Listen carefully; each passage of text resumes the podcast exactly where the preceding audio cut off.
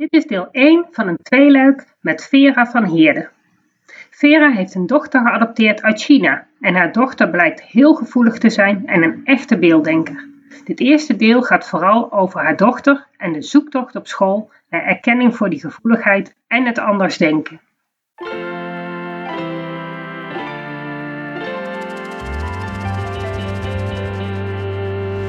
Welkom bij de Beelddenkers podcast. Ik ben Natasja Esmeijer van Beeldig Brein en de schrijfster van het boek Beelddenkers als kwartjes vallen. Ik neem jullie mee in de wereld van de beelddenkers. Beelddenkers zijn creatieve, intelligente en zorgzame mensen, maar ze hebben moeite met onze vluchtige, snelle maatschappij. Dat begint al op school en het werkt door in het werkende leven. Ik ga in gesprek met leerkrachten, ouders van beelddenkers en met de beelddenkers zelf natuurlijk.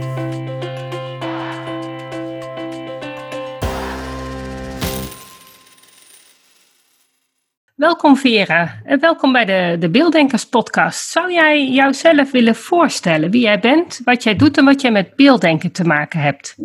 Ja, uh, mijn naam is Vera van Heerden, ik ben 37 jaar. Uh, ik heb een dochter Honge, uh, zij is geadopteerd uit China, ze is 9 jaar. Um, zij woont inmiddels bijna 6 jaar bij ons in Nederland. En um, de afgelopen jaren kwam ik erachter dat ze een andere manier van denken had. Uh, in mijn werk voorheen heb ik ooit een cursus beelddenken gedaan en ik herkende heel veel van haar uh, terug van de cursus. Dus vandaar dat mijn zoektocht naar beelddenken is gegaan. En kwamen erachter dat zij ook een beelddenker is en hooggevoelig is. Oké, ben jij zelf ook uh, een beelddenker? Of weet je dat niet? Uh, weet ik niet, maar ik herken wel veel van haar ook in mezelf. Maar ja, goed, dat maakt het natuurlijk ook lastig. Ook zeg maar genetisch natuurlijk. We hebben geen... Uh, nee, we hebben geen genetische band. Nee, dus dat, dat is ook wel, wel lastig, zeg maar. Maar aan de andere kant ook weer heel mooi, omdat je dan toch ook anders naar jezelf gaat kijken. Dus ik begrijp haar wel heel goed. Ja, ja maar als je zelf wel uh, hooggevoeligheid ervaart, dan is het altijd makkelijker om je kind te begrijpen. Uh, want ook als het wel een biologisch kind is, wil het niet zeggen dat het altijd overeenkomt natuurlijk. Nee, nee dat klopt. Al is het dan vaak wel makkelijker. Ja, nee, ik merk bij mezelf wel uh, uh, gevoeligheid zeg maar, rondom prikkels. Ik, uh, ik merk wel wanneer ik te veel prikkels op een dag heb gehad en kan dat wel beter reguleren, zeg maar. Dus dat is wel een voordeel wat voor ja. haar nog lastiger is. Ja, maar ja, zij is ook nog jong, hè? Dus dat, ja. dat komt dan ook nog. Ja. Ja, wat doe jij voor werk? Um, ik werk binnen de jeugdzorg. Uh, ik werk op een dagbehandelingsgroep voor jonge kinderen. Uh, kinderen tussen de 2,5 en 6 jaar. Uh, kinderen vaak met ADHD, autisme, hechtingsproblematiek. nou ja, wellicht ook het anders denken. ook daarin herken ik kinderen op mijn werk, zeg maar, waarbij ik denk, nou, dat hoeft misschien niet eens een diagnose te zijn, maar misschien is het gewoon het hele anders denken. Ja, ja dat. Ja, nou ja, dat is natuurlijk wel onze doelgroep natuurlijk als beelddenkers. Want dat zijn ja. Niet alle kinderen met ADHD of met uh, autisme, die hebben, zijn natuurlijk beelddenkers, maar wel veel. Ja, klopt. Dus ik denk wel dat het een grote groep is. En ook de misdiagnoses, die worden vaak toch in die hoek gezocht. Terwijl dat niet altijd het geval is. Nee, dat merk ik inderdaad ook wel. Dat ik soms denk, nou, ik weet niet of het altijd wel een diagnose is, zeg maar. Het nee. is zo makkelijk om het daarop te gooien, maar ik vraag me wel eens af, inderdaad. Ja, en um, toen wij contact zochten, merkte ik even aan jou dat je veel op die prikkelverwerking zit. Um, mm-hmm. Kun jij daar eens een stukje over uitleggen wat prikkelverwerking is?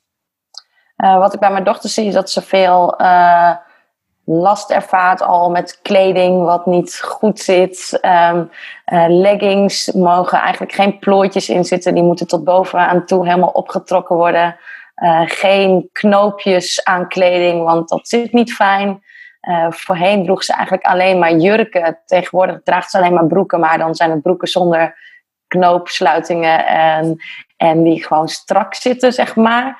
Um, ook de prikkels in, in, als ze in, drukke uh, groepen is, dat ze dat overneemt. Dus dat mensen ook wel eens tegen mij kan, kunnen zeggen: Wat is er druk? En dat ik de hele tijd denk: Ze is helemaal niet druk. Moet je haar thuis eens zien. Maar ze wordt druk door drukte om haar heen, zeg maar kan daar dan ook niet goed mee omgaan. Slaat ze een beetje door en zie ik echt clownesk gedrag. Dat zie ik tegenwoordig wel minder, maar voorheen vond ze dat heel moeilijk omdat ze het gewoon echt niet aan kon geven.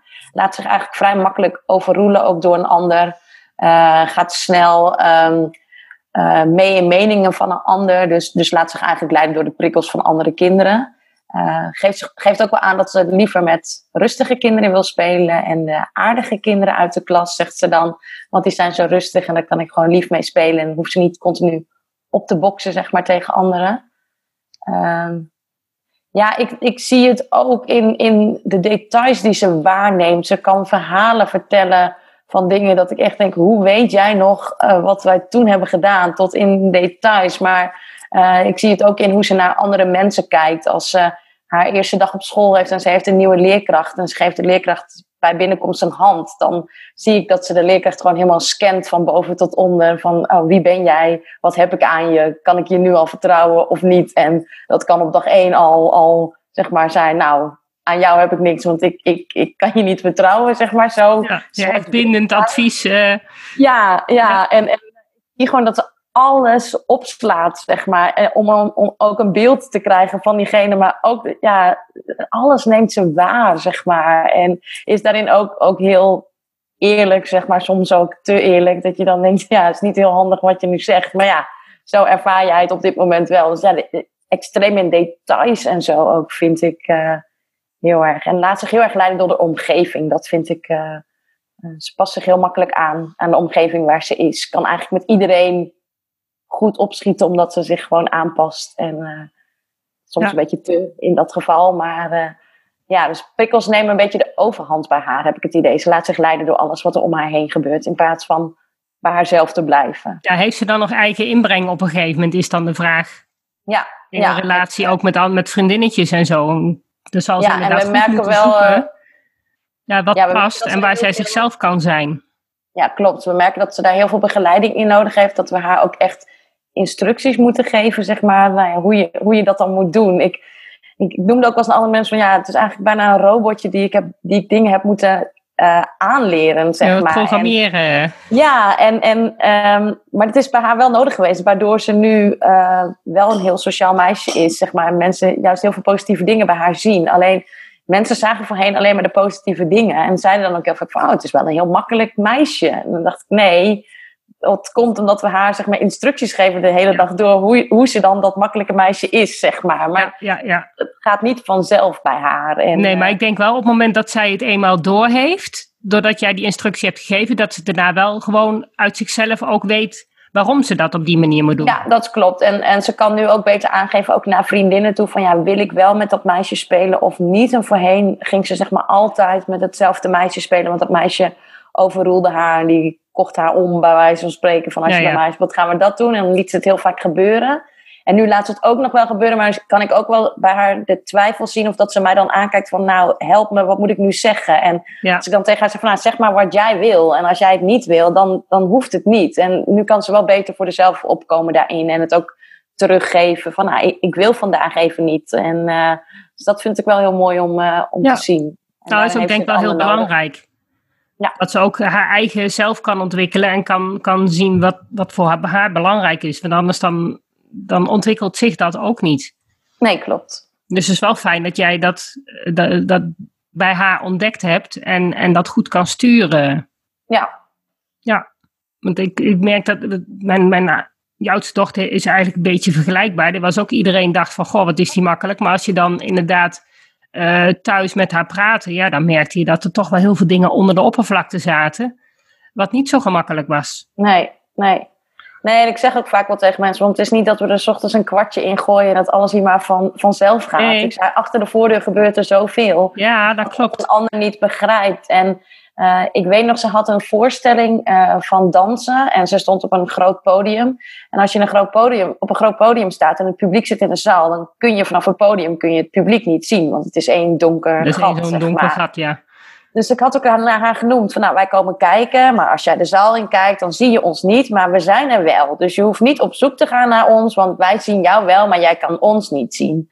Dus zij ging ook echt een podium op van, nou oké, okay, mijn vader en moeder zijn er, ik kan ze niet zien en uh, nou, ik, ik doe mijn ding. En ik merkte bijvoorbeeld uh, bij een vriendin van mij, haar dochter deed ook mee. En haar dochter was echt op het podium aan het zoeken. En die was aan het zwaaien. En die was de hele tijd afgeleid, zeg maar. En dat we dan ook wel thuiskomen, dat we denken van... Ja, wij zijn veel meer in de voorbereiding ook bezig. Zeg maar wij zijn al aan het bedenken, hoe staat zij straks op het podium? En wat gaat er in haar hoofd om? En nou ja, dat we ook soms zijn van, we zouden willen dat heel veel andere ouders dat ook deden. Want je ziet gewoon dingen gebeuren dat je denkt, oh, dat had je gewoon voor kunnen zijn, zeg maar. En, maar ik eh, denk dat heel veel ouders helemaal niet beseffen dat kinderen tegen deze problemen aanlopen. Nee, nee denk ik ook dus niet. En ik denk dat er ook een heel groot verschil is. Ik zie heel veel ouders die inderdaad zelf ook heel gevoelig zijn en inderdaad dus uh, vooruitdenken. Maar als jij als, zeker als moeder eh, zelf niet uh, hooggevoelig bent of niet, geen beelddenker bent, ja, dan, dan heb je eigenlijk totaal niet in de gaten dat dat voor een kind kan spelen. Nee, klopt. Is het ook, dus dat is wel een groot, dat is wel heel belangrijk, denk ik. Ik denk dat het allereerste stukje bij de ouders ligt van herkennen van hey, hoe zit mijn kind in elkaar? Waar heeft het last van? Ja. ja. En, en als tweede komt dan school, want school gaat natuurlijk ook niet zo gemakkelijk als je zo gevoelig bent en steeds alles, ja, toch niet vanzelf gaat. Nee, klopt inderdaad. Dan ben jij er niet meer bij. Nee, nee, het liefst zou je elke dag aan de hand eh, meegaan en ja achter in de klas willen zitten en instructie geven. Maar helaas uh, is dat niet mogelijk. Nee, ja. Nee. Het zal ook wel heel erg druk worden in de klas. Ja, klopt, is het ook. Maar, ik heb wel eens vaker van, wat, wat zou je het liefst willen? Ja, dat mama mee naar school gaat. Ja, ik zeg maar, als alle, ouders, alle kinderen hun ouders mee naar school nemen, dan wordt het wel heel, uh, heel druk. Ja, klopt, dat is het ook inderdaad. Ja. ja. En hoe is dat gegaan? Hoe gaat dat op school met haar?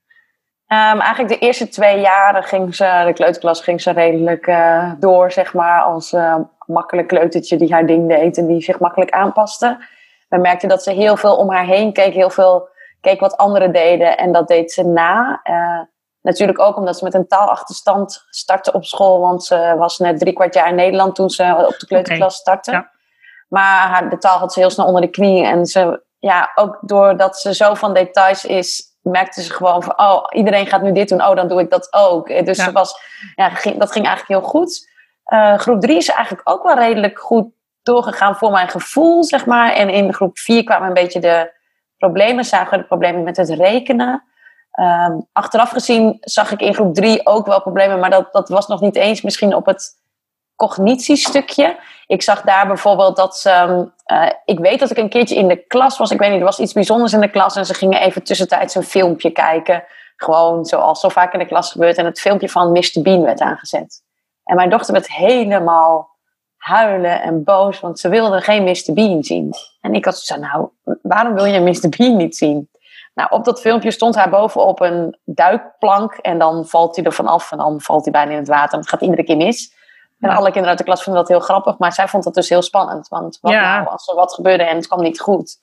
En ja. um, ik weet nog dat ik op dat moment met de juf in gesprek was. En dat ik zei van, joh, zij vindt het filmpje echt heel spannend. Zij zei, nou, geen probleem, we zetten hem uit hoor. Uh, wat vindt ze leuk? Uh, nou, het Zandkasteel, zeg maar, was toen nog, uh, vond dat lekker duidelijk en, en er gebeurt niets geks, zeg maar, gewoon lekker voorspelbaar. Zie je, we zetten gewoon Zandkasteel aan, de hele klas kijk maar Zandkasteel, geen probleem, dat lossen we zo op. En dat was wel heel erg leuk. En op dat moment had ik het nog niet zo in de gaten, maar later merkte ik de angst heel erg richting filmpjes. Wilde ze ook uh, School Weekjournaal niet meer kijken. Vond ze heel erg spannend, want wat zou erin gebeuren? En straks kwamen dingen niet goed. En nou, toen merkte ik ook een beetje naar de leerkracht toe dat ik zei van, Jos, ze vindt de filmpjes heel spannend. En hoe kunnen we dat gaan aanpakken? Ik zei, kan ik bijvoorbeeld van tevoren horen welk filmpje jullie gaan kijken? Dan ga ik het vast met haar bekijken en dan weet ze in ieder geval dat het goed afloopt. En maar net zeggen, als je vaak het laatste stukje hebt gezien. Ja, ik zei van, vaak als het laatste stukje hebben gezien. Ja, dan, uh... en uh, nou ja, toen merkte ik wel een beetje vanuit de leerkracht van ja, maar het zijn geen enge filmpjes. Ik zeg nee, dat zeg jij. Ja. Ik zeg maar, zij vindt het wel eng. Nee, maar, maar er gebeurt niks. Ik zeg nee, dat, dat vinden wij met z'n allen. Ik zeg maar, in haar ogen is het wel spannend. Dus nou, toen merkte ik een beetje zeg maar, dat het niet zozeer de schoolse dingen waren, maar een beetje de dingen eromheen. Ja. Dat ik dacht, oh, dit, dit, dit zijn bijzondere dingen. En dat zou op een gegeven moment zou dat wel weer zeg maar, normaal moeten gaan worden. En dat, dat was het dat niet. duurt langer. Ja, ja. ja. en in groep 4 begonnen, nou ja, inderdaad, wat ik zeg, de rekendingen die, waar ze moeite mee had. Maar het bleef wel continu bij mij uh, het stukje hangen dat ik dacht, ja, maar ze kan het wel. Alleen niet op de manier zoals jullie willen dat ze het doet. Ja. En uh, ik merkte dat ze hele een hele gekke manier rekensommen ging oplossen. Dat ik dacht, ja, het antwoord is goed, maar de manier waarop je er komt, dat is volgens mij niet zoals het hoort. Niet en, zo handig.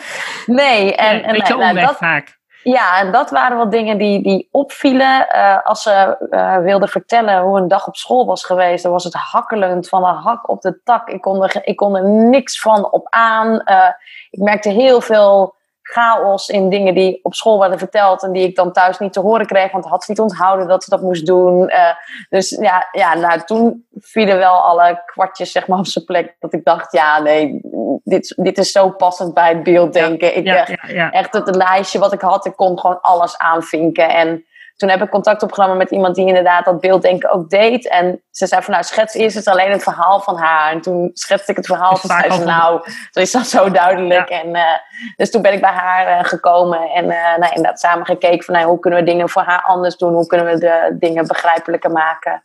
En ja, daar heb ik wel heel veel aan gehad. En ja, alleen ik merk gewoon als ouder blijft gewoon continu bij het stukje hangen van ja, maar ze kan het wel, zeg maar. En hou nou Ja. eens op met zeggen dat ze niet kan rekenen, want ze kan het wel. En, en nou ja, dat tijd haar gewoon enorm nekt. Dus als ze weer een toets heeft die op tijd gemaakt moet worden, ja, dan valt ze weer door de dan gaat het weer niet goed. En, Nee.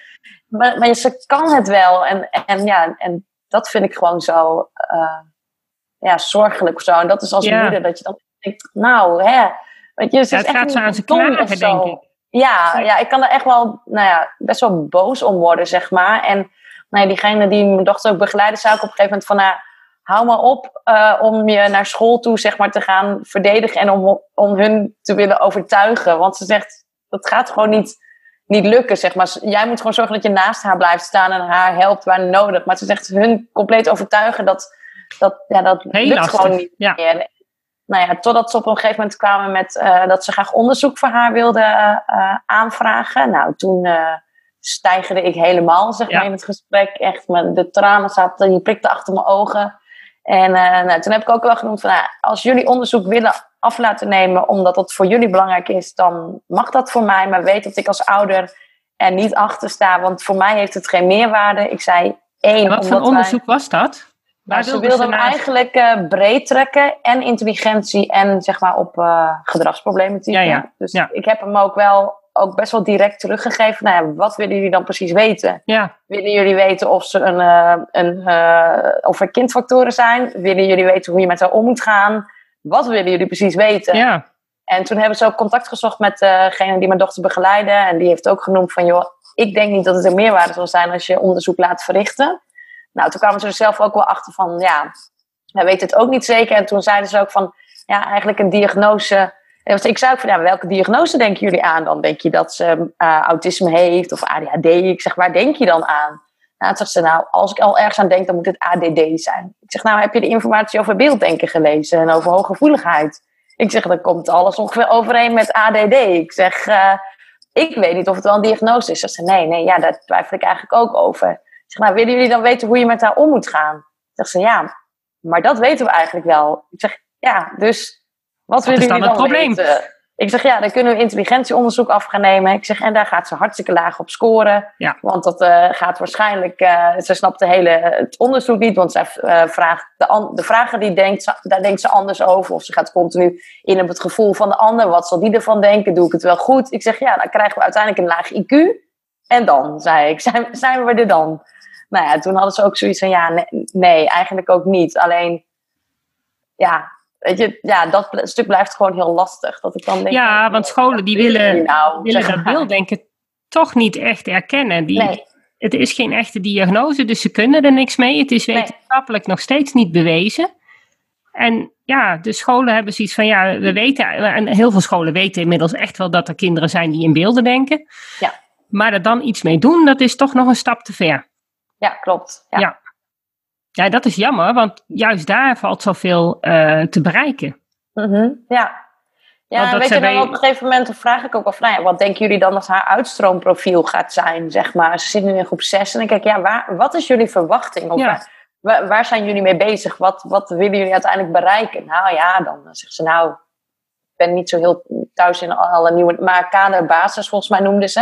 Dus op een gegeven moment zei ik van, nou, ik schrik daar best wel van. Dus dan zitten ze me echt zo aan te kijken van, nou, hoezo dan? Ik zeg, nou, ik denk dat ze best wel meer zou kunnen. Maar dat het er nu gewoon niet uitkomt. Ik zeg het dus, als ik zeg maar onbekende mensen tegenkom die even met haar aan het praten zijn of iets met haar aan het doen zijn, krijg ik altijd als eerste antwoord van onbekende mensen: Zo, het is wel een slim meisje, of niet? Ja. Nou, dan zeg ik er dus nu altijd achteraan, nou dan moet je even bij school zijn, want daar zien ze dat niet, zeg maar. Maar dat, dat met, zeg maar, niet met de feitelijke gegevens. En weet je, als ouder heb ik zoiets van, als ze naar basis of kader moet, is helemaal prima. ja, maar je moet wel met gelijk uh, ja. mensen zitten die op hetzelfde niveau denken. Ja, ja. En, en, die vind je niet op basiskader. Nee, en dat denk ik dus, dus ook. Alleen ja, dat, dat, daar blijf je gewoon continu mee worstelen, zeg maar. En um, uh, ja, dat je deed als ouder denkt, ja, maar er zit echt wel meer in. Nou, het komt er niet uit. Maar we zitten inmiddels al in groep 6, zeg maar. En ja.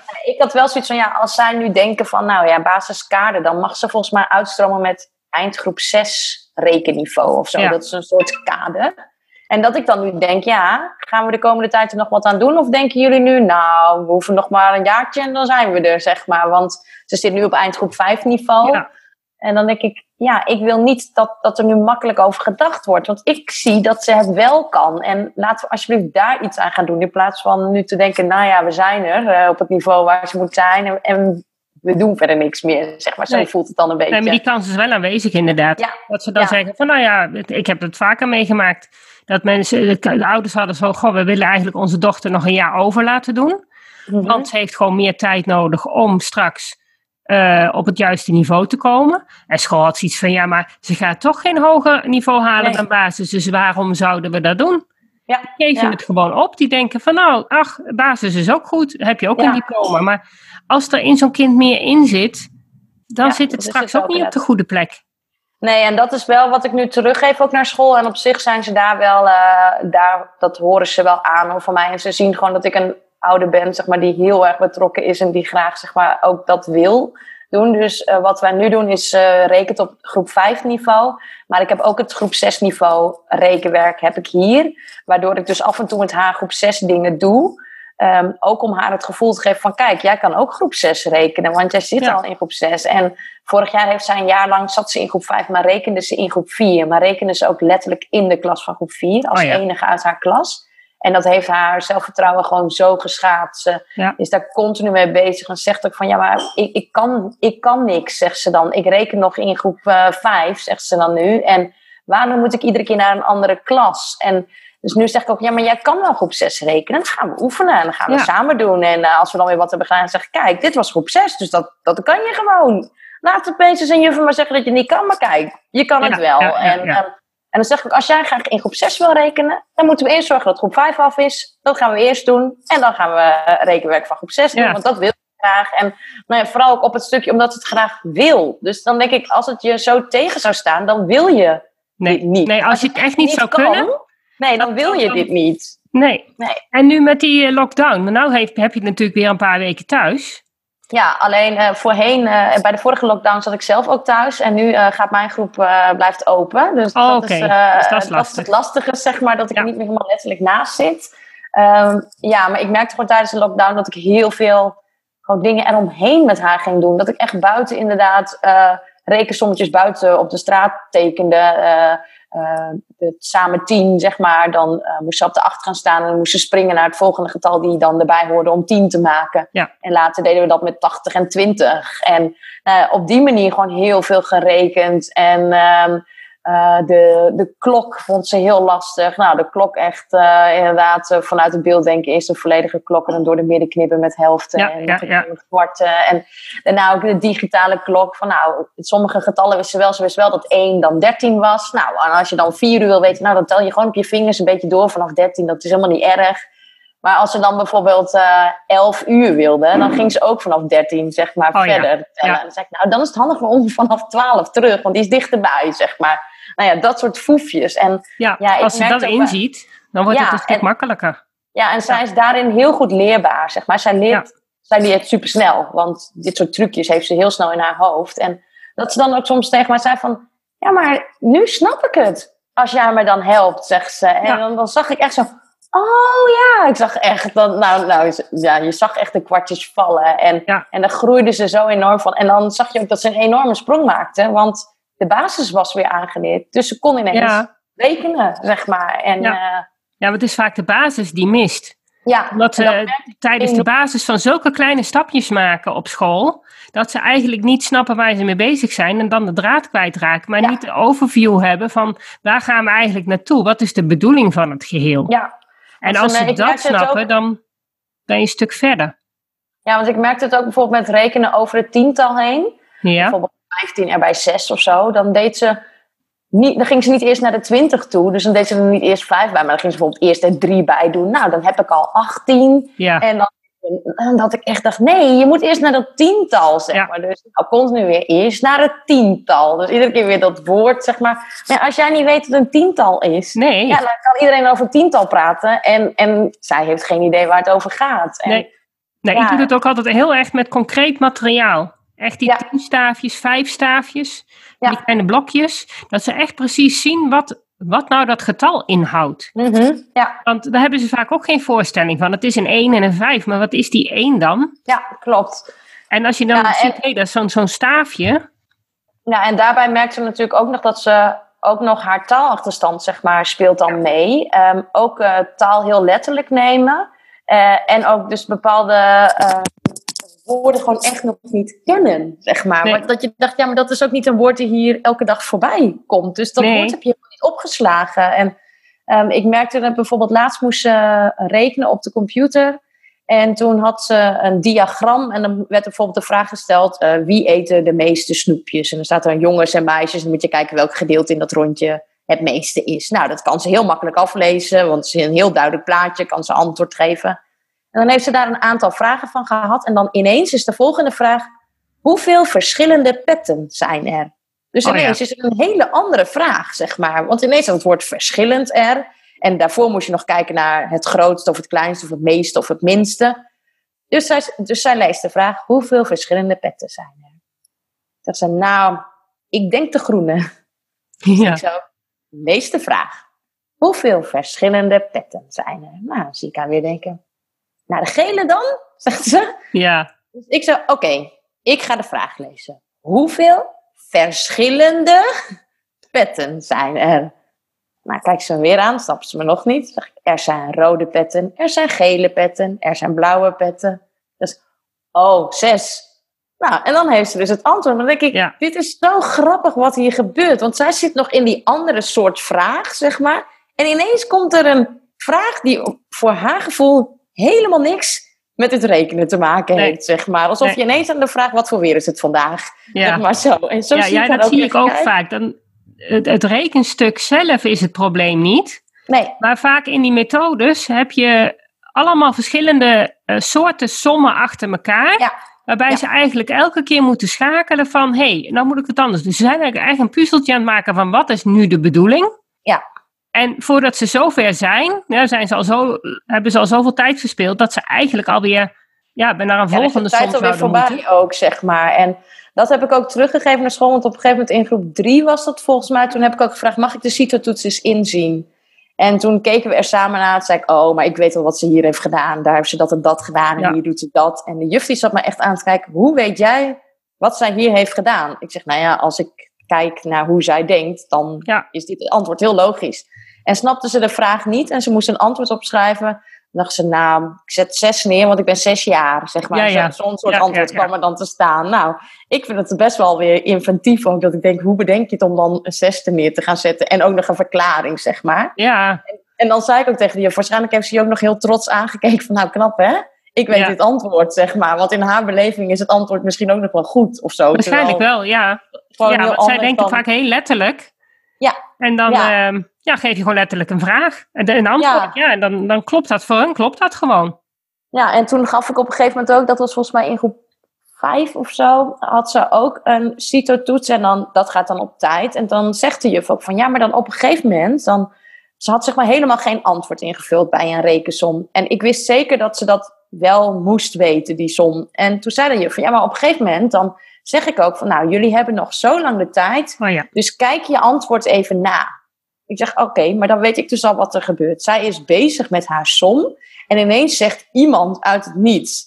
de tijd is bijna, even, bijna om. Kijk je antwoord nog even na. Dus zij moet, begint weer vooraan Ja. met die som. Ik zeg, en tegen die tijd dat die tijd voorbij is, heeft ze nog steeds niks opgeschreven. Want ze is gewoon gestoord in haar denkwijze dan. Ja. Zeg maar. En ik zeg, ja, ik zie het echt wel gebeuren. Waardoor dit misgaat. Ik zeg, maar dat betekent niet dat ze, dat ze de som niet snapt, hè? Nee, zeg, nee die eh, tijd die nekt ze vaak. Ja, ja en de Ja. manier van vraagstellingen ook. Dat ik echt altijd denk van ja, als die anders was ge- gesteld, de vraag, had je het antwoord wel geweten. Dat weet ik Ja. zeker. En, Ja, want de rekenen is tegenwoordig meer begrijpend lezen Ja, dan rekenen. Het rekenen zelf, dat, je hebt echt twee dingen. Je begrijpt lezen en rekenen. En tijdens Mhm. het rekenen heb je rekensommen. Je hebt gewoon kale sommen. Maar je hebt Ja. ook een stuk begrijpend lezen.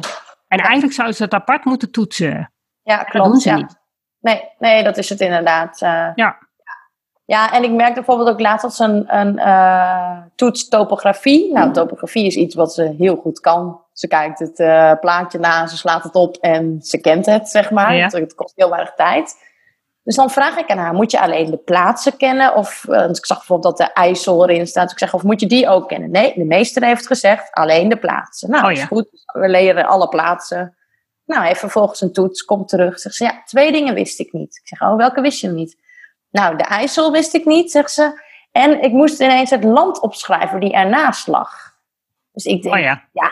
Hè, weet je, nou, daar baal ik dan alweer van. Dan denk ik, ja, maar wat moest ze nou leren dan? Dus nou, Ja. ik de meester een berichtje gestuurd van, joh, even een vraag. Wat moesten ze precies leren met de toets? Want ik hoor van haar terug dat ze ook de IJssel moest doen en het land wat ernaast lag. Zegt hij, ja, klopt. Ik vroeg voor de grap even ook het land wat ernaast lag. En eh, ja, de IJssel, eh, inderdaad, dat klopt ook. Die eh, moesten ze ook doen. Ik zeg, nou ja, zouden jullie misschien de volgende keer ook even aan ouders door kunnen geven wat ze moeten leren? Want ik zeg van, eh, dit is iets wat ze heel goed kan. En dan baal ik ervan dat ze uiteindelijk dus ook hier dan fouten in maakt. Terwijl dat niet haar schuld is, zeg maar. Dan denk je, nou, nu kun je een keer ergens, zeg maar, een Ja, tien dan kun je het een ophalen. eh, Kun je een keertje.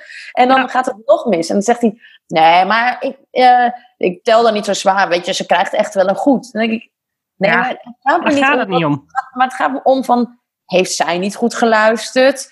Je, Want dan kan ik haar daarop aanspreken. Van, hè, als de meester uitlegt wat je moet doen bij de toets, sla dat op, schrijf het even voor jezelf. Weet je, dan kan ik haar dat, dat aanleren of zo. Maar nu denk ik, ja, ik weet dus nu niet waar dan de fout ligt. En dan wordt er soms zo makkelijk mee omgaan. Dan denk ik, ja, maar daar gaat het me niet om. Maar ik wil gewoon weten van, waardoor gaat het dan mis, zeg maar. En, Ja. en hou ouders even achter de hand. Dat je het even kan checken bij je kind of zo. Van, nou ja, hè, wat moet je precies doen? Want als ik het dan weet, dan kan ik ook een beetje sturen in mijn vragen. Zonder eh, het altijd voor te zeggen. En ja, dat vind ik dan zo jammer. Dan denk ik, ja... eh, ja, dat vind ik dan een beetje een gemiste kans of zo binnen Ja, het, eh, ja want het- ze heeft natuurlijk wel zoveel momenten dat het niet, niet gaat zoals zij Nee, het klopt. eigenlijk Ja. kan. En als het dan wel kan, ja, dan is het wel fijn als het wel lukt. Ja, en dan denk ik van, nou ja, dat eh, eh, heb ik bijvoorbeeld ook wel eens teruggegeven in een rapport. Je hebt, eh, bij ons hebben ze nog best wel een ouderwets rapport, zeg maar, met rondjes. En als je dan het rondje vooraan hebt staan, betekent het zeg maar slecht en achteraan Ja. goed. Zeg maar vijf rondjes. Niet echt cijfers en niet echt, zeg maar, geschreven hoe je bent of zo, maar gewoon nog Nee. een, be- een beetje ouderwets. Dat rapport had ik vroeger, zeg maar, ook op school. En er is niet heel veel aan veranderd.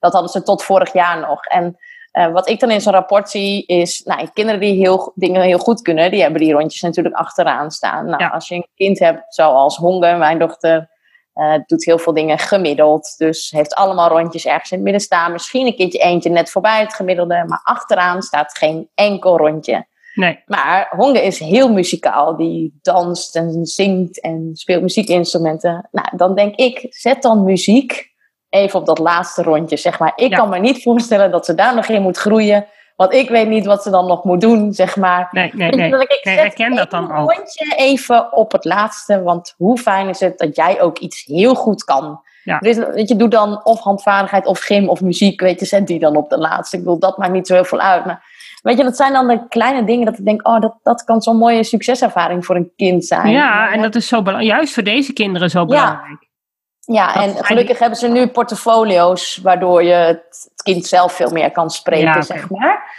Maar ja, ik vind dat wel heel... eh, ja, ik, ik vind Dus dat is wel een tip naar leerkrachten van Ja, zoek het beste in het kind. ja. Dan denk ik, Ja, er is toch en, en, en waardeer dat ook. Ja, Ja. ja. En Nou ja, erken ik- dat ze gewoon heel erg hun best doen. Ja, en, en ik vind ook wel dat ze beter mogen luisteren naar de kinderen zelf, zeg maar. Want kinderen weten zelf heel goed wat ze willen. Wij hadden begin dit schooljaar heb je dan zo'n startgesprek en dan mogen de kinderen ook zelf vertellen, zeg maar, wat ze nodig zijn. En Honge vertelde van, ik word heel snel afgeleid in de klas en ik vind het heel fijn om in rust te mogen werken, zegt ze. Het liefst wil ik helemaal alleen zijn als ik moet werken. En toen zei ze, kunnen jullie niet twee mappen zo naast mij zetten? Dus ze had het letterlijk over gewoon een map, zeg maar. En ik vond het ook heel grappig dat ik dacht, jij bedenkt niet een muur of iets, nee, een map, zeg maar. Zo lekker makkelijk, nou, die staat hier toch, zet die maar naast mijn hoofd, zeg ja, maar. Dus toen zeiden de, de leraar ook van, hey, we hebben ook wel van die schotten, misschien kunnen we dat dan voor haar doen. En nou, we hadden het ook over, ze is heel bewegelijk. En ze zouden wat nieuwe materialen op school aanschaffen. En ze zouden ook een tafel met daaronder een fiets, dat je oh, zeg maar uh, ondertussen kan fietsen. Ze zeiden, nou, dat zou echt wat voor haar zijn. Daar moeten we haar gewoon een paar keer opzetten. Nou, hartstikke leuk, allemaal ideeën. Dus ik kom dan heel enthousiast thuis. Dat ik denk, nou, dit schooljaar gaat goed gaat komen. Goed komen. Ze gaan, gaan alles aan doen. Nou, dan vraag ik Honge, van nou, heb je al uh, tussen van die schotten gewerkt? Nee, nee, niet. En als je aan het werk bent, waar zit je dan? Ja, dan zit ik daar en daar. Dan word ik altijd afgeleid, alle kinderen zijn aan het praten. En, uh, maar hebben jullie ook koptelefoons in de klas? Ja, maar die hebben altijd andere kinderen. Nou, dus dan maar weer daar contact over opgenomen. Van ja, weet je, zij geeft het zo duidelijk aan. Waarom wordt er dan niks mee gedaan? Ik zeg, zij zorgt zo goed voor zichzelf. Ze zegt letterlijk wat ze nodig heeft. Ja, luister hoe moeilijk kan het zijn? Ja, en dan zeg ik, en die fiets, daar mocht ze toch ook op. Maar Honge komt dan thuis en zegt ze, ja, als we dan aan het werk gaan, dan uh, is het altijd degene die dan graag op die fiets wil, die mag er dan op. Oh, ja. Dus de recht van de snelste, zeg maar. Ja. En Honge is altijd als laatste in het lokaal, dus die kan nooit op die fiets. Nou, dan moet ik daar maar weer contact over opnemen. Van ja, jullie hebben gezegd, zij mocht daar op. Maar dan, want je, het voelt het zo dat ik dan denk, nou, dan komt deze zeurende moeder weer aan. Ja, hoor, die ja niet dat meer die wat idee vindt, heb je wel maar. vaak, ja. Ja, en, en Ja, eigenlijk moeten er gewoon vaste, vaste afspraken voor komen. Zij mag eh, bijvoorbeeld het eerste uur, mag, of het eerste half uur mag ze erop en daarna mag de rest. Ja, daar. Moet, daar moet zij gewoon in begeleid worden, ook door de, de juf of de meester. Die moet dat gewoon voortouw innemen. Want anders krijgt, Nou komt ze nooit en- aan de beurt. Nee, en dat gaf ik ook terug. Ik zeg, ja, Honger zelf zal er nooit wat van zeggen. Nee. Die gaat echt niet naar de meeste toe. Die denkt, nou ja, ik ga hier wel zitten en ik doe mijn best en ik probeer me maar te concentreren. Maar die is de helft van de tijd dus afgeleid, waardoor ze de werk helemaal niet kan maken. En dan denk ik, Nee. ja, dat vind ik zo zorgelijk. Dan denk ik, Ja, zeker. Want dat, ja, is, dan- maar dat is echt wel voor, voor school een eye-opener van hé, hey, doe er wat mee. Want ja, scholen zijn hier degene, of de, of de leerkracht is hier degene die daar het voortouw in moet nemen Ja. en het, kind moet beschermen. En die- niet alle kinderen zijn snel en kunnen voor zichzelf opkomen. nee, En klopt. dat, dat En- zie je het haar eigenlijk heel erg, want zij past zich aan. En Ja. zij is degene die het ondergaat, maar dat eigenlijk wel nodig heeft. Ja, en dat is ook zeg maar het lastige, omdat Hong is een heel open en sociaal meisje, zeg maar. Die komt ergens binnen, die komt echt binnen met eh, hallo, geeft iedereen een hand met een verjaardag, zegt dankjewel na het spelen, zeg maar. Dus ze is heel, heel sociaal, waardoor het dus ook minder goed opvalt waar ze last van heeft. Ja. Want ze compenseert heel veel. Dus mensen zien echt niet aan haar dat ze Nee. eh, overspoeld wordt door prikkels en dat ze afgeleid wordt. Dat zien ze helemaal niet, zeg maar. Omdat ze, ze compenseert zoveel. En dan denk ik, Ja, oh, en dit compenseren kost heel veel energie. Ja, en klopt. die energie die kan ze dus niet stoppen in haar eigen ontwikkeling. Nee, dat is het ook. En, en ik zei ook van, nou, knalden ze er maar eens uit op school. Ja. Werd ze maar eens boos. Want dan zien ze misschien de ernst van het probleem Ja. in. En nu, ja, dat wordt gewoon niet gezien. Ze zien gewoon de ernst. Nee, nee dat, is, dat is vaak. Je hebt ook kinderen die natuurlijk gewoon echt heel gefrustreerd raken. En inderdaad, eh, vaak, vaak al jongens. Die, die Mhm. toch wat meer die, die, die agressie laten zien. En dan gewoon inderdaad eh, ermee ophouden. En eh stennis gaan lopen, lopen schoppen. En ja, die worden wel gezien. Ja, Maar Ja. ja, daar gaat alle aandacht dan heen. Ja. Maar dit soort meisjes, ja, die, die zien, de leerkracht denkt, oh, dat is makkelijk, daar heb ik niet zoveel eh, moeite mee. Die Nee, gaat wel klopt. zitten. En ja, dat zij straks naar basiskader gaat, ach ja, weet je, dat, ja dat is ook dat hoort ze ook. Of Ja, zo. dat, is, zo, eh, dat zal best prima zijn. Ja, maar dat is zo jammer, want als zij gewoon MAVO of misschien zelfs wel HAVO zou kunnen, ja, dan zit ze bij de basiskader niet op haar plek. Nee, nee, klopt, is het ook.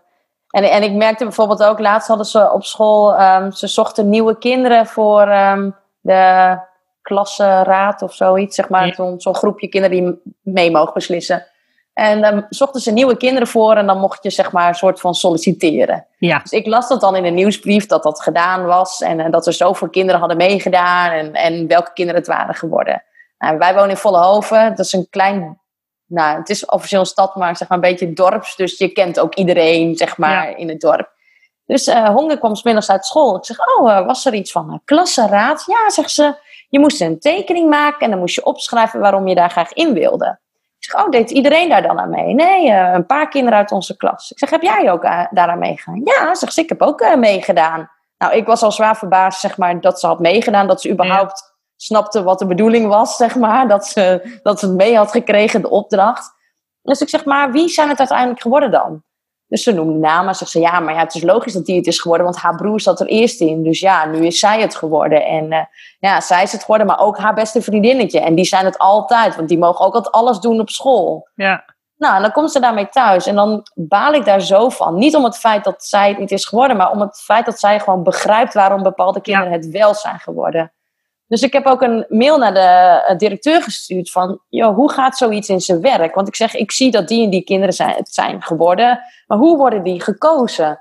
Nou, zegt ze, ik laat dan alle tekeningen en uh, posters zien aan de huidige leerlingenraad. En die kiezen oh, ja. nieuwe leerlingen. Ja, ja, ja. Ze zegt alleen, ik besef uh, nu dat ik de namen van de kinderen op de posters zichtbaar had. Dus ze zegt, ja. oh, bedankt voor je tip. Want dit maakt ook waardoor bepaalde kinderen zijn gekozen. Ja. Ik zeg, nou ja, weet je, het is niet zo dat ik vind dat mijn kind in de leerlingenraad moet. Ik zeg maar, ik heb heel erg te doen met het feit dat mijn kind doorheeft waarom bepaalde kinderen het wel worden en zij niet. Ik zeg, en Honge is geen meisje die snel hieraan mee zou doen. En ik zei, ik vind het dan nu zo mooi om te zien dat zij nu dit wel heeft gedaan. En bijvoorbeeld ook, zij heeft nog een Chinees meisje in de klas, een heel introvert meisje, en die had ook gesolliciteerd. En dat ik later dacht, hoe mooi was het geweest als deze twee meisjes ja. erin waren gekomen en niet die haantjes die altijd al vooraan staan en alles voor elkaar krijgen. En nou ja, weet je, dat soort dingen, dan denk ik van, hè. En ik denk dat ja. zij met z'n tweeën eigenlijk vele betere uh, suggesties hadden kunnen doen. Ja. Omdat zij veel beter doorhebben wat er allemaal op school speelt. Ja. En zij dat hele sociale structuur waarschijnlijk helemaal doorzien. Ja, is het ook. En dan ja. denk ik, ja, zo... Ja, weet je, nou, dat is als moeder, zeg maar, dan kan ik ja, echt is dat heel denk, lastig. oh, Ja. weet je, ja. Ik weet Ja. dat ze bij ons op school hadden ze in de, in de jongste klas. En ik weet dat mijn dochter zat in groep drie, meen ik. En die hadden ook zo'n soort opdracht van de Gouden Griffel. Dan moest je een tekening maken. Of nee, volgens mij een gedicht maken. En mijn dochter kon, was best heel taalvaardig. Dus die had een prachtig gedicht gemaakt. En uiteindelijk won er een jongetje dat voor zijn doen inderdaad goed zijn best had gedaan. Maar ja, dat gedicht van mijn dochter was vele malen mooier. En dat zag zij ook. Toen Ja. had ze iets van, mama, waarom eh, heb ik nou niet gewonnen? Want mijn gedicht is gewoon veel mooier. Of eh, waarom heeft hij gewonnen, was het eigenlijk meer van, want zijn gedicht, dat, ja, dat slaat nergens op. Nee, Dat was de verklaring van de juf van ja, maar hij heeft het gewoon heel goed gedaan. Voor zijn doen was het echt een heel mooi gedicht. Maar een kind dat hooggevoelig is en rechtvaardigheidsgevoel heeft, ja, dit kan daar niks mee. nee. Want nee, dat is niet rechtvaardig. De beste wint, nou dan moet ook de beste winnen. Ja, Dat ja. zij dat dan niet zijn, dat vinden ze nog niet erg. Maar dan moet het wel een gedicht zijn wat mooier is dan datgene wat zij klopt. gemaakt hebben. Ja, En dan zien ze prima van, oh dat was beter. Nou prima, maar dan kunnen ze er vrede mee hebben. Ja, ja. Ja, want ik heb nu ook zo van, nou, als er volgend jaar weer mensen gezocht moeten worden, weet ik nu al wat Ja. het antwoord van Hong is. Ik doe niet mee, want ik word, Nee. het, word het toch niet, zegt Nee. ze dan. Nee, heeft dan En geen zo zin. stellig blijft ze ook, zeg Ja. maar. En dan kan Ja, heel dat- de wereld dat- vinden dat ze het wel moet doen, maar ze doet het niet. die aanname zit nu in het hoofd. Ja, ja. En, want en- ze werken heel veel met aannames, heb ik altijd het idee. Ja, en, Ja, en dat vind ik ook altijd wel. het- Ja, en dat vind ik ook altijd wel het zorgelijk. Dat ik dan denk, oh, sommige dingen die gezegd worden, doen zoveel met ze, zeg maar. Maar een Ja. ander heeft gewoon echt niet door wat die tekst, zeg maar, eh, eh, met zich meebrengt op, op, op haar of zo, zeg Ja. maar. En dan denk ik, ja. Weet je, en, en, en hoe goed bedoeld altijd hoor. Er wordt al, altijd heel snel naar oplossingen gezocht. En dat, dat is echt wel fijn. Maar ik merkte bij ons bijvoorbeeld op school, eh, hadden ze heel leuk bedacht eh, dat kinderen een babyfoto van hunzelf mee moesten nemen. En dan gingen ze met elkaar raden, zeg maar, Oh ja. eh, wie dat was. Ja, mijn dochter is geadopteerd. Die heeft- die Wij hebben geen geen babyfoto. babyfoto's. Nee. Dus ja, ik ook naar. Uh, en toen heb ik het ook met haar zelf besproken. Want ik dacht, ja, ik kan nu als moeder gaan oplossen, maar dat heeft geen nut. Want ik moet het vanuit haar horen. Dus ik zeg van, joh, jullie mogen een babyfoto meenemen. zeg maar, we hebben helemaal geen foto van jou. En uh, ik zeg maar, we hebben wel een foto van toen je twee was. Die hebben we wel. Ja. Die kunnen we ook meenemen. Nou, daar was op zich wel mee akkoord. Alleen ze is geboren met een uh, lipkaak en gehemelte spleet. Dus de foto die we van haar hebben, zijn met een open mond. En nou, best wel heftige foto's. Dus ik zeg, ja, wat wil je dan? Want als we die foto meenemen. Zegt ze, nou, ehm, als ik die foto meeneem, dan wil ik niet dat de grote jongens uit groep 8 die foto's ook zien. Want die gaan me dan uitlachen. Dacht ik, wow, dit is echt wel knap dat je daar echt over nadenkt. Dus ook met de juf besproken van, nou, ze wil haar foto wel meenemen, want ze vindt het wel belangrijk dat iedereen haar ziet en dat ze ook mee kan doen met het spel, maar hij moet niet bij de grote jongens in groep 8.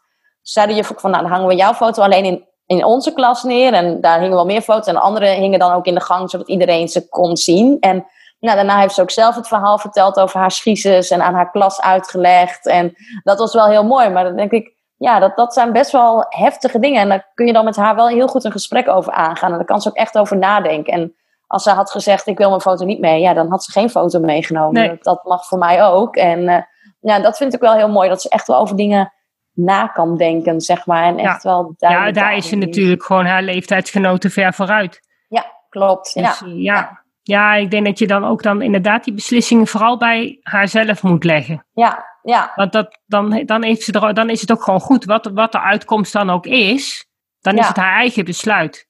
Ja, en men is natuurlijk heel snel geneigd om alles maar voor ze te gaan beslissen. Hè? Ja. omdat, nou ja, dat merk ik ook. Uh, ze is negen, ze is nog heel klein. Ja, ze is Chinees, dus het is sowieso een heel klein meisje.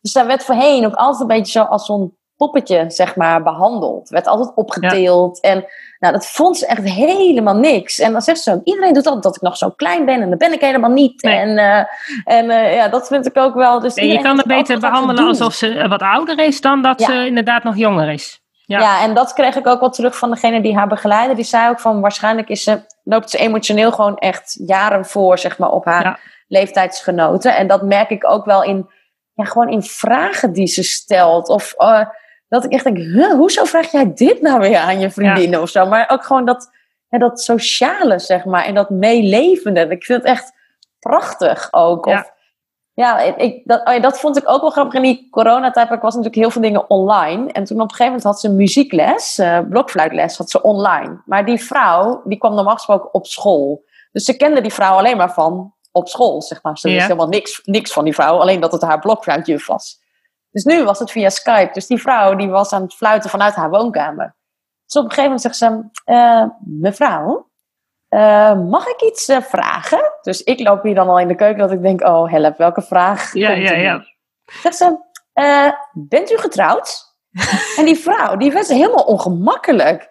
Die zei, nou, die, die ging een beetje eromheen praten, zeg maar. Niet ja of nee. En dat ik echt dacht, nou, je doet nu zo moeilijk, wat helemaal niet nodig is, zeg maar. En, en toen dacht ik van, nou, of ze uh, heeft geen man, maar een vrouw, waardoor ze nu heel moeilijk aan het doen is of zo. Zeg maar dat eigenlijk de vraag uh, veel te dichtbij kwam of zo.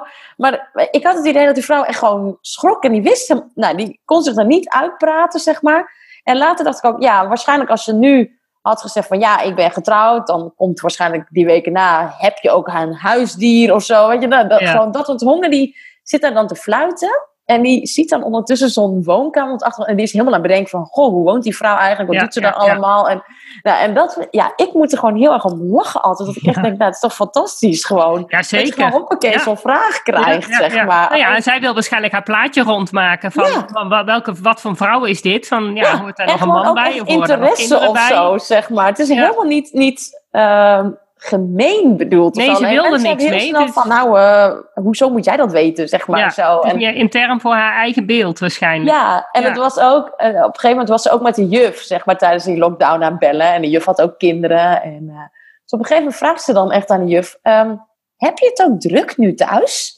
Dat ik echt denk, dit is echt zo'n vraag. Dat stelt toch geen kind hier nee, of zo? En, nou ja, zij dus wel. de juf ging ook heel uh, van, ja. ja, nou, het is best wel druk, want ik heb ook nog een kleintje. En, uh, maar ja, dat denk ik, ik vind dat, ja, ik denk echt, oh wauw, hadden maar meer kinderen dit. Ja. Zeg maar. Ik denk echt fantastisch. Ja, maar ja, daarom, heeft het op school waarschijnlijk heel moeilijk, want andere kinderen begrijpen dit niet. Nee, nee die kunnen er echt soms aankijken. Die kunnen er helemaal niks mee. Nee, nee, klopt. Uh, en hopen dat er nog een paar van deze kinderen in de klas zitten, waar ze dan wel inderdaad aansluiting bij vinden, dat ze elkaar begrijpen. Ja. Maar ja, ik merk zo wel, zeg maar, dat ze... niet zoveel, denk ik. Nee, ze heeft met een aantal kinderen, zeg maar, waarvan ik zeg, uh, dat zijn echt de intellectuele kinderen, zeg maar. Dat vindt ze echt heel leuk. Daar kan ze echt wel goed uh, mee. En ik merk dat ze hier in de buurt bijvoorbeeld ook graag met jonge kinderen speelt. Dus ze heeft bijvoorbeeld een buurmeisje van vijf, daar speelt ze heel veel mee. En dan kan ze gewoon nog lekker verkleden en make-uppen en gewoon lekker nog lekker de klein zijn, zeg maar. en, en ik denk dat dat ook wel te maken heeft met haar adoptieachtergrond. Want zij heeft natuurlijk het kleine spel, heeft zij nooit gedaan. Zij heeft tot haar derde alleen maar op een grond gelegen, bij wijze van spreken. En heeft nooit in een box gezeten, heeft nooit met blokken gebouwd. En, uh, kan natuurlijk ook wel een stuk van haar ontwikkeling uh, tegengehouden hebben op cognitief gebied. Ja, klopt. En, en dat, uh, wat ik bij haar merk is dat ze alles nog uh, moet doorlopen, zeg ja. maar. Uh, voor kortere periodes, maar, maar ze moet het nog wel even doormaken, ja. zeg maar. ja. Reflextherapie, reflexintegratie zou je eventueel kunnen, als, als ze oh, er echt last van houdt, dan, want dan doorloop je eigenlijk ook dat hele proces. Ja, klopt. Ja, ja. Ja, ja. en ik weet ook wel, dan waren we bij iemand op visite of zo, en dan zag ze die box staan en dan zegt ze mag ik ook even in de box? Ja, nou, ja. ga er maar in. Ja. Nou, heeft ze even in een box gespeeld, zeg maar. Dan denk ik, ja, dat heb jij nooit gehad. En nee. um, ik heb nu een neefje en een nichtje van anderhalf. En die hebben hier dan gespeeld. En dan staat dat babyspeelgoed nog op de grond. En dan op een gegeven moment zie ik haar kijken. En dan gaat ze daar nog even weer mee ja, spelen. Nou, lekker toch? Ik, ja, het is toch fijn dat je dat ook nog gewoon kan. En maar het zal waarschijnlijk ook dat stuk sociaal zijn wat zij heel sterk heeft. Waarschijnlijk is hij heel sociaal intelligent. Ja. En, en, en hij heeft ook gewoon de behoefte om daar wat mee te doen waarschijnlijk. Ja, ja. ja en je merkt ook hè, vanuit het kinderthuis uh, heeft ze, ik denk, weinig taal aangeboden gekregen. Ja. Um, maar wat wij merkten, zij praten enkele woorden Chinees. Maar dat kwam ook door haar schiezers, waardoor ze natuurlijk ook niet goed oh ja. kon spreken. Maar wij merkten dus dat ze dingen heel goed snapte. Dus dat heeft ze zeg maar gecompenseerd met het niet Ja. kunnen praten, maar wel alles Ja. snappen. En dat merkten we in Nederland ook. De Nederlandse taal heeft zij zo snel geleerd. Dat was echt, dat, nou, dat kan bijna niet zo snel. Mhm.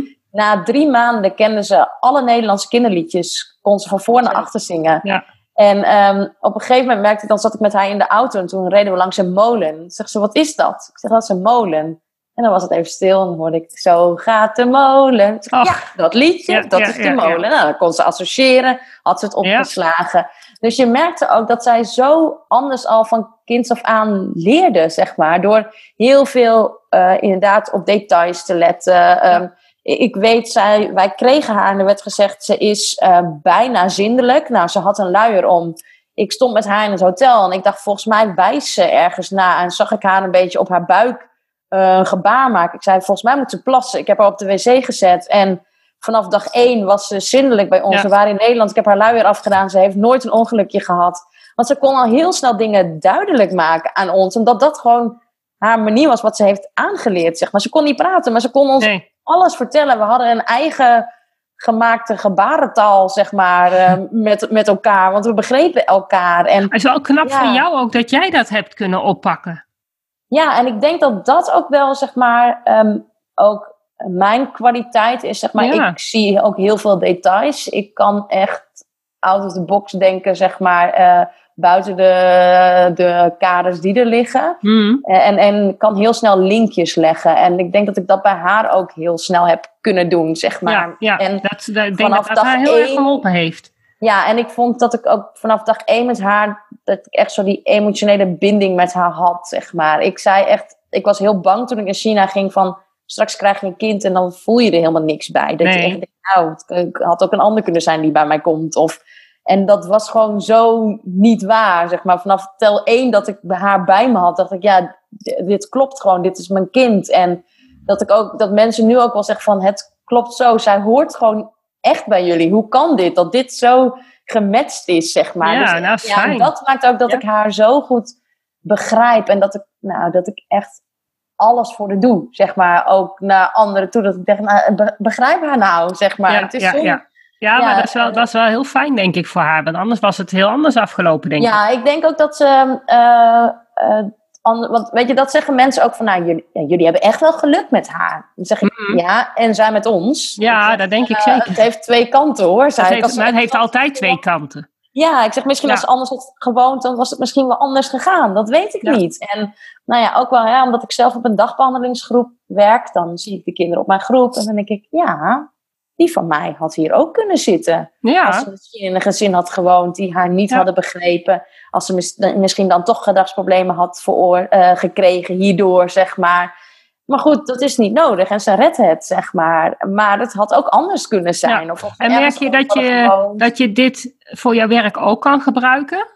Ja, ik merk dat ik ook anders kijk naar kinderen in mijn groep, zeg maar. Ehm, eh, we haalden nu bijvoorbeeld een jongetje op de groep die heel veel gilt. Vanaf tel 1 dat hij binnenkomt totdat hij naar huis gaat, gilt hij eh, om, om alles. Eigenlijk, zowel positief als negatief.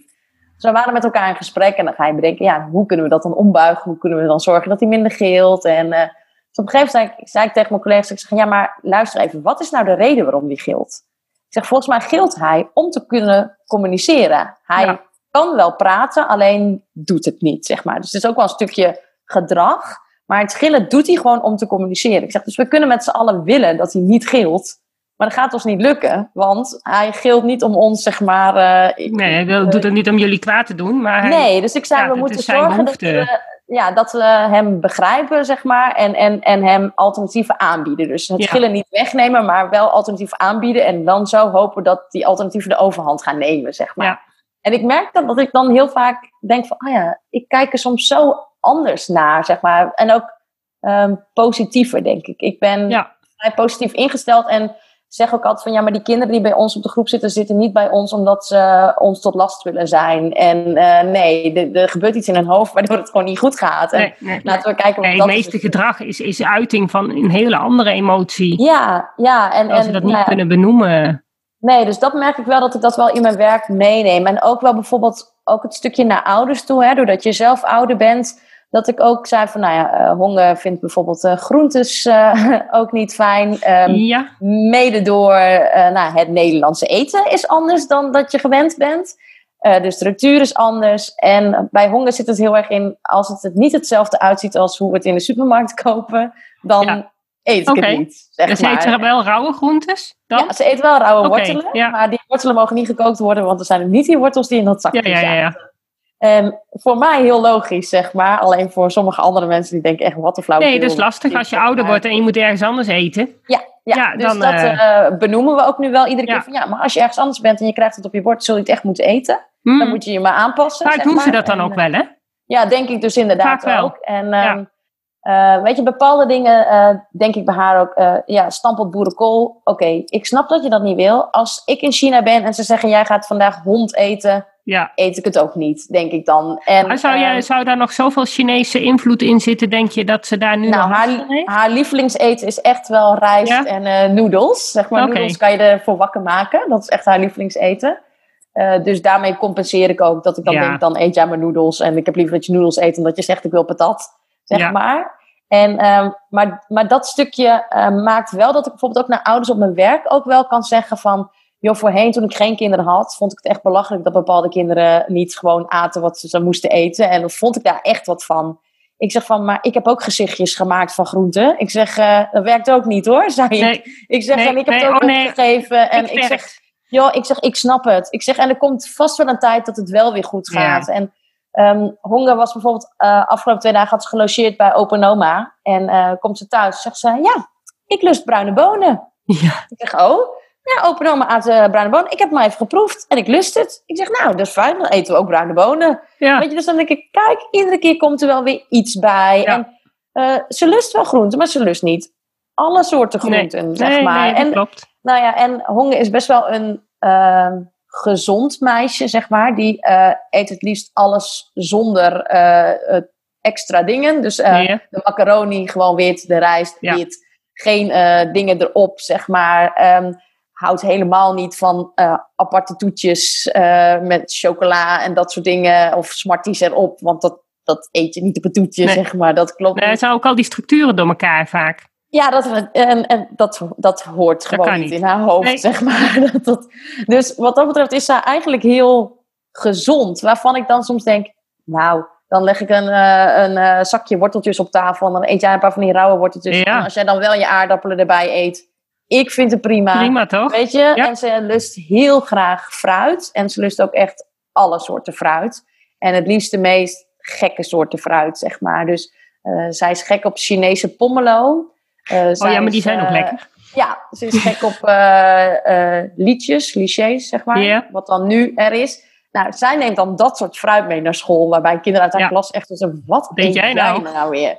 Nou, en doordat ze dan fruit wel lekker vindt, denk ik, nou ja, dan compenseren we Oh, alles dat wel komt- weer. dat maar. komt Dus, zeker weet wel je, goed. Ik, daar lig ik echt niet meer wakker Nee. van. En, en omdat ik het ook kan verklaren vanuit haar hoofd, zeg maar. Dat ik dan Ja. denk, ja, Ja, ik- maar ja, weet je, je doet er ook ook niks wel. aan. Als dat erin Nee. zit, ja, je kunt eh, hoog en laag springen. En dan kun je oma krijgen die zegt van, ja, eh, ze moeten het maar gewoon eten.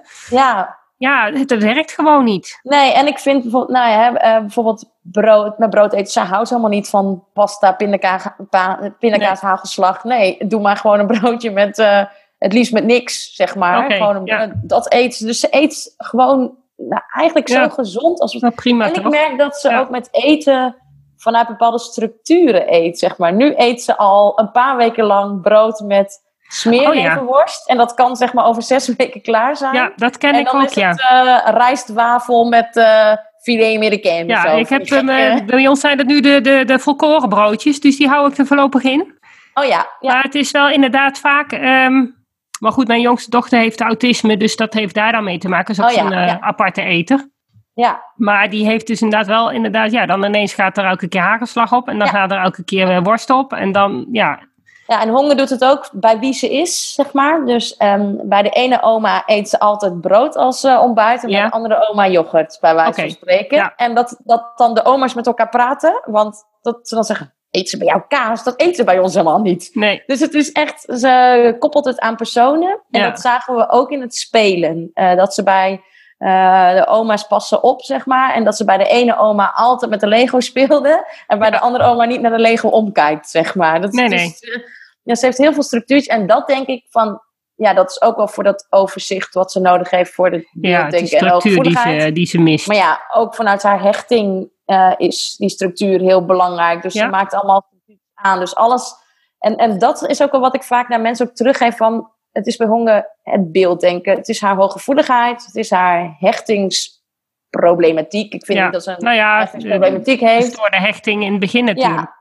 Het Ja. is haar spraakachterstand, zeg maar. Ja. Dus het zijn zoveel dingen, zeg maar. Het is niet, Het telt oh, op. nou, dit is het. En Ja. daar, daar is deze handleiding voor. Nee, het is zoveel. En, nou en daardoor denk ik ook, het is geen, het is geen diagnose. Het zijn Nee. al die losse dingetjes. Want als ze echt autisme had, dan had ik, dan had ik dat echt gezegd. Want Ja, want echt- daar lijkt het inderdaad dan nog het meest op. Maar eh, inderdaad, dat, eh, ik denk dat dat inderdaad veel meer andere oorzaken heeft. ja, en ik dat vind ze gewoon heel veel zeg geduld maar, nodig heeft. Ja, en ik vind binnen het autisme, zeg maar, ik merk dat zij veel structuur nodig heeft, maar ook prima buiten de structuur om kan, zeg maar. Ja. Ze heeft de structuur is het wel zo dat meisjes om- anders autisme hebben dan jongens. Klopt. Dus dat is sowieso wel. eh, dus dan moet je, je moet wel altijd in je achterhoofd houden dat zij misschien wel toch ehm, echt die structuur misschien wel echt nodig heeft. ja, dus- dat herken ik wel. ja. En ik merk wel dat als ik dan eerst iets vanuit een vaste structuur en veel structuur doe, kan ik het op een gegeven moment loslaten. En heeft ze eigenlijk de structuur niet meer nodig, omdat het gewoon wel erin geslepen is, zeg maar. Ja. En eh, eh, ja, ik zie juist meer ook de chaoskant, zeg maar, bij haar. Maar dat is weer Ja. dat beelddenken. Dat ik echt denk, oh ja. ja, Heel veel beelddenkers hebben anders. trekjes van autisme hoor. Ja, Dat, ja, ik zou me daar niet over wakker liggen. Nee. Is dat je weet dat, je, dat, ja, dat ze er wel last van heeft. ja, nou ja, dat is het uiteindelijk eh, ook. Dus dat is, eh, je kan ze nooit in ja. een hokje stoppen. Nee, nee, en eh, dat is ook niet iets wat ik eh, eh, wil of zo. Willen we ook helemaal niet. Nee, ik ben, ik ben gek op dit kind, zeg maar. nee, en ook al zou je, het, er- eh, want ook al zou je er een label aan hangen, Ja, dan, nog, daarom. Dat, dan ja, heb je een label en dan? Dan Ja. nog moet je verder. Dus het, het maakt helemaal niet uit. Nee, nee, dat Je zult toch gewoon naar school moeten. Ja, dat is ook zeker waar, ja. Dus hooguit welke kant moet je een beetje opdenken. Hoe kun je het kind het beste eh, iets bijbrengen? Ja. Als je daarnaar kijkt, dan ben je een heel stuk verder. Ja, nee, ja, dat is geldt voor alle waar. kinderen. Ja, ja. Ja, en ik denk inderdaad dat heel veel ouders gewoon uh, heel veel profijt zouden hebben door anders naar hun kind te kunnen kijken. Zeg ja, dat, dat, je, dat je in ieder geval weet wat er allemaal op de markt is aan soorten kinderen.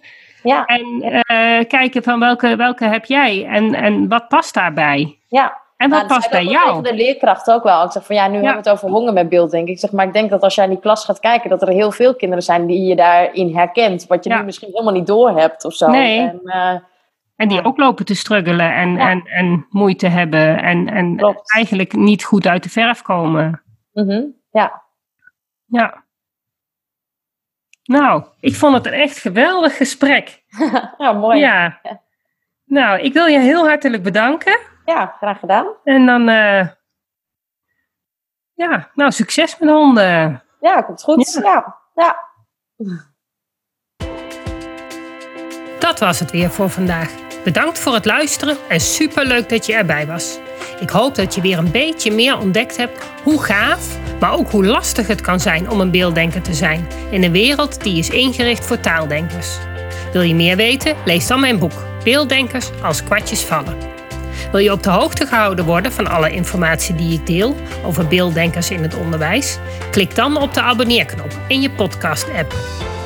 Wil je dat dan meer mensen op de hoogte zijn van hoe beelddenkers anders denken? Laat dan een review achter, zodat er steeds meer mensen in beweging komen om het beelddenken serieus te nemen. Heb je nog tips of vragen? Of ben jij of je kind een beelddenker en wil jij je verhaal delen? Laat het me gerust weten. Wil je als ouder of leerkracht echt weten hoe het allemaal werkt bij je kinderen of bij jezelf? Kom dan naar een van de cursussen. Duik helemaal in het onderwerp en kom erachter dat beelddenkers helemaal niet zo anders zijn en best in ons onderwijssysteem passen, als je maar weet hoe ze denken. Ik geef speciale cursussen voor ouders en voor professionals. Voor meer informatie ga je naar www.natasjaesmeijer.nl. Samen gaan we voor een beelddenkvriendelijke wereld.